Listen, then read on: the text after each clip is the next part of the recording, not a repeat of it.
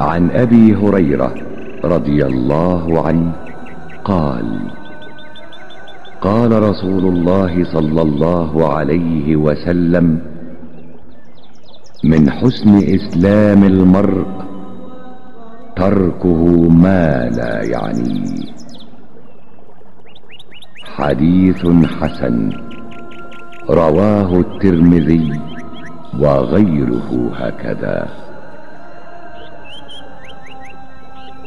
Od Ebu Hureyre radi Allahu anhu prenosi se da je rekao Allahov poslanik sallallahu alaihi ve sellem je rekao od nečijeg dobrog islama je njegovo napuštanje onoga što ga se ne tiče.